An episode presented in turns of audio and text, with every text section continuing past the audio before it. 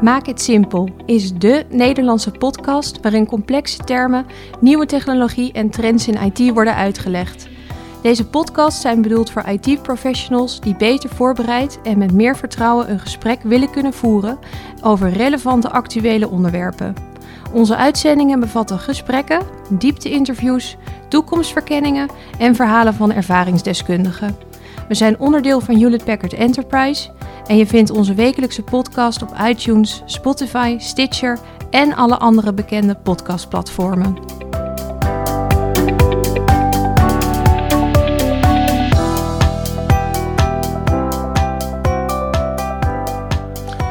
Welkom bij deze nieuwe, nieuwe podcast van uh, Maak IT Simpel. Mijn naam is Robert Stroomberg, ik ben uw host vandaag. Um, ik ben werkzaam als sales manager voor service providers binnen Hewlett Packard Enterprise.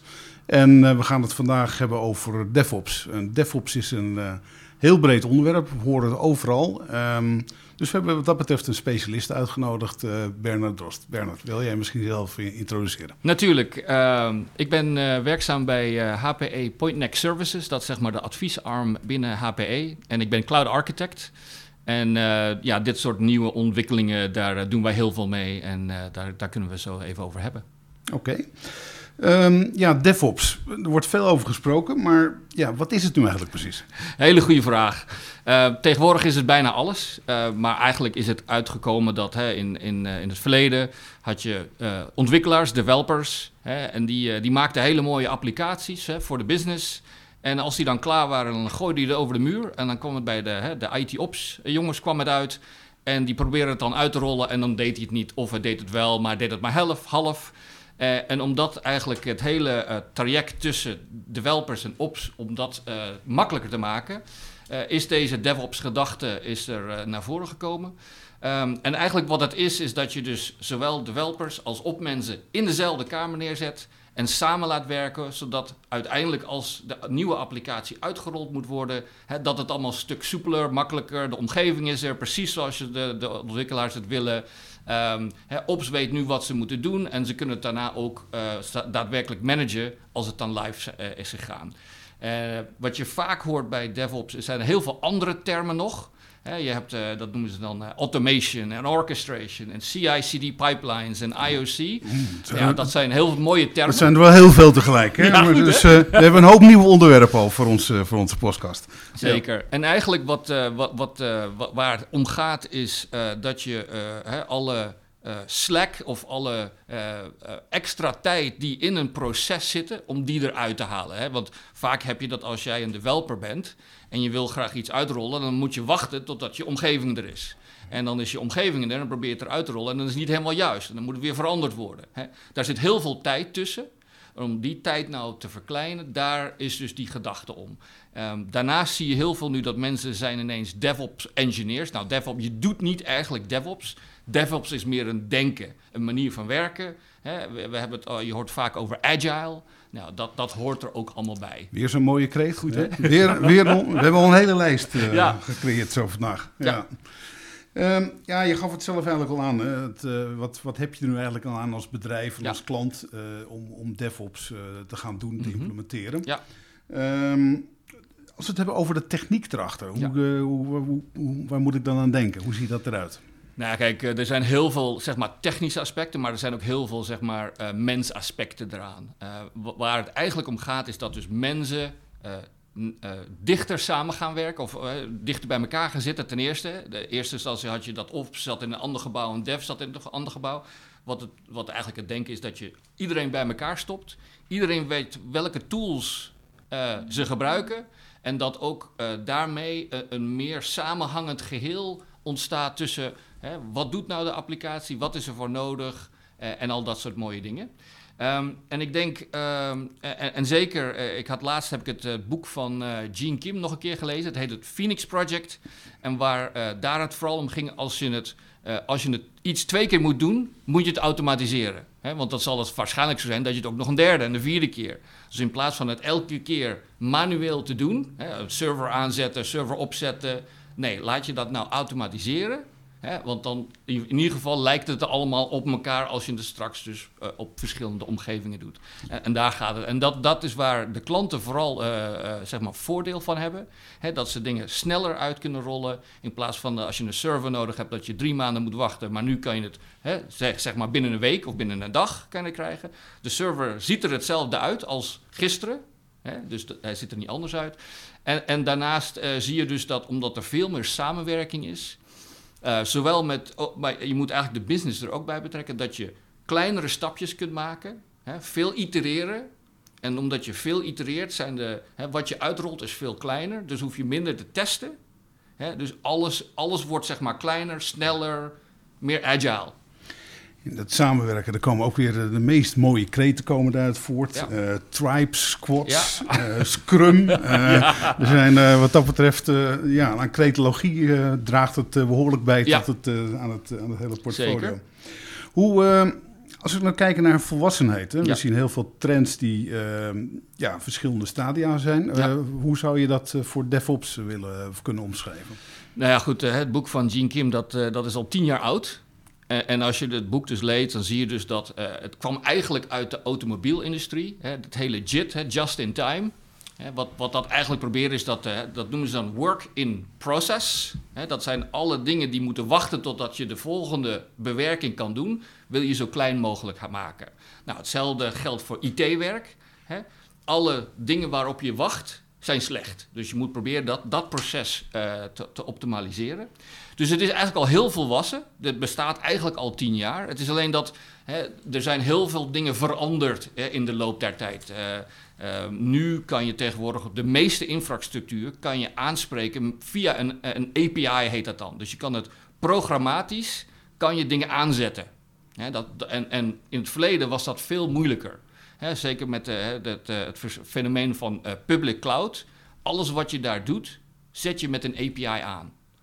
En dus, heb je, dus kan je dingen ook veel sneller doen. Dus daar komt ook, eh, ga je ook weer naar een andere mooie kreet. Containers, Ja. containerization. Ja. eh, al dat soort eh, dingen komt er weer naar voren. Als je het hebt over adoptie of Ja. implementatie voor een, voor een bedrijf. Hoe, hoe, hoe zou je dat het beste kunnen doen? He- Een hele goede vraag. Wat wij vaak zien is dat je moet eigenlijk klein beginnen. Als je dit probeert te doen op een heel grote, hele grote applicatie, waar al he- heel veel jaren aan gebouwd is, en je probeert dat zeg maar, op te breken in kleinere stukjes, nou, dan ben je wel even bezig. Dus wij zien vaak mensen eh, eh, eh, een nieuwe gedachte die ze nu niet in hun eigen datacentrum kunnen doen. Of er zijn andere restricties. Nou, pak iets wat een nieuw idee is. En probeer een, die, die, die DevOps-gedachte toe te passen op het stukje dev, een stukje security. De business moet erbij, ops moet erbij. En ga in één kamer zitten en zeg van oké, hoe gaan we dit nu in deze eventuele nieuwe manier, hoe gaan we dit doen? Dus een beetje tribe om het, eh, om het kampvuur. Hè? Precies. Dat is zeg maar... Dat is eigenlijk de bedoeling. Eh, en, en daarmee eh, kan je ook, hè, tegenwoordig heb je zo'n mooie kreet, hè, fail fast. Mhm. Hè, dus als het niet werkt, ga het anders doen. Hè? Dus je moet ook niet zeggen van het moet deze manier. En dat is natuurlijk een beetje met waterfall had je altijd. Hè? Daar zit een bepaalde, hè? je moet eerst dit en dan dat en dan zus en dan zo. Dit is veel meer iteratief. Dus als iets niet goed werkt, ga je het veranderen. Maar daarnaast is er ook nog een gedachte. Hè? If it hurts, do it again. Dus als, als het niet goed lekker loopt, ja, ga dan, verander het dan. En dat is dus eigenlijk, eh, en, en daar zit heel vaak ehm, de gedachteverandering bij het eh, bedrijf wat het gaat implementeren, is dat ze dat niet gewend zijn. Hè, dat ze, het moet altijd eh, in één keer juist zijn en alles moet in, de, hè, in deze release, want als het niet in deze release zit, dan komt het er nooit van.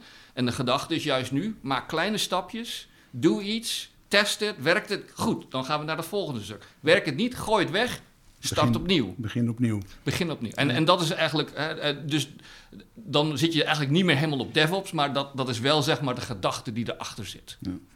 Je komt dat, eh, die, die toepassing, kom je, die manier van werken kom je ook heel veel, veel tegen bij eh, innovatie, Ja. eh, innovatiesprints en Ja. dat soort zaken. Precies. Gewoon probeer iets wat je bedacht hebt en werkt het niet, en dan begin je opnieuw. Ja. Dus dat betreft komt dat, komt dat overeen. Ja, en zeker hè, met, en je vroeg hè, techniek, zeker hè, nu dat, dat dat veel makkelijker is, ook hè, als je een, een private cloud hebt, als je daar iets aan wil zetten, is het veel makkelijker. Hè. Je zet even wat aan, je gebruikt het, je kijkt, werkt het, werkt het niet, gooi je het weg. In de public cloud. Hè, daar is het waarschijnlijk misschien nog makkelijker. En, en, en dus die gedachte, daar moet, en daar wil je dus graag de hele organisatie meenemen. Maar je begint dus met een kleine squad, zoals je het al zei. Hè, die laat je wat bouwen. En eventueel dat als je dan het volgende project, dan, dan, dan haal je sommige mensen eruit. Die maak je in een tweede squad. En dan doe je weer nieuwe mensen erbij van je organisatie. En dan heb je nu heb je twee squads.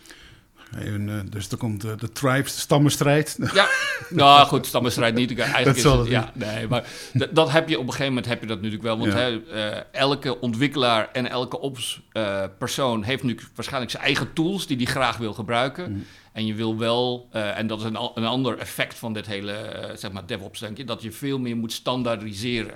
Hè, want als je 16 tools hebt, ja, dan heb je dus eigenlijk 16 mensen nodig die heel goed elke tool kan doen.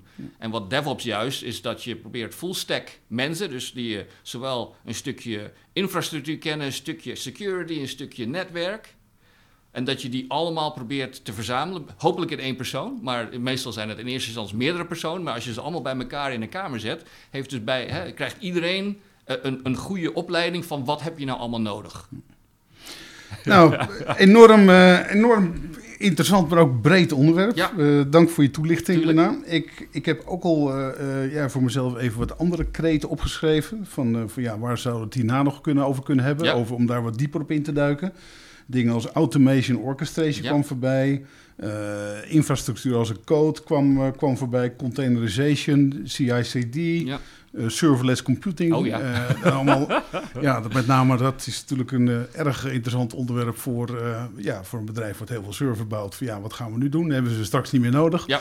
Dus ik denk dat we wat dat betreft een hele reeks aan, aan, aan onderwerpen hebben die hiermee, die hiermee verband houden. Ja. Is er nog een uh, laatste ding wat jij aan zou willen toevoegen? Ja, kijk, uh, misschien de, de, om een use case aan, aan te, aan te grijpen. wat we hebben gezien bij, dit was een grote bank in Amerika. Die, die zeiden dat ze ongeveer 5000 releases hè, per jaar deden. Nou, kan je bedenken dat als je, hè, iedereen moet een dagje wachten.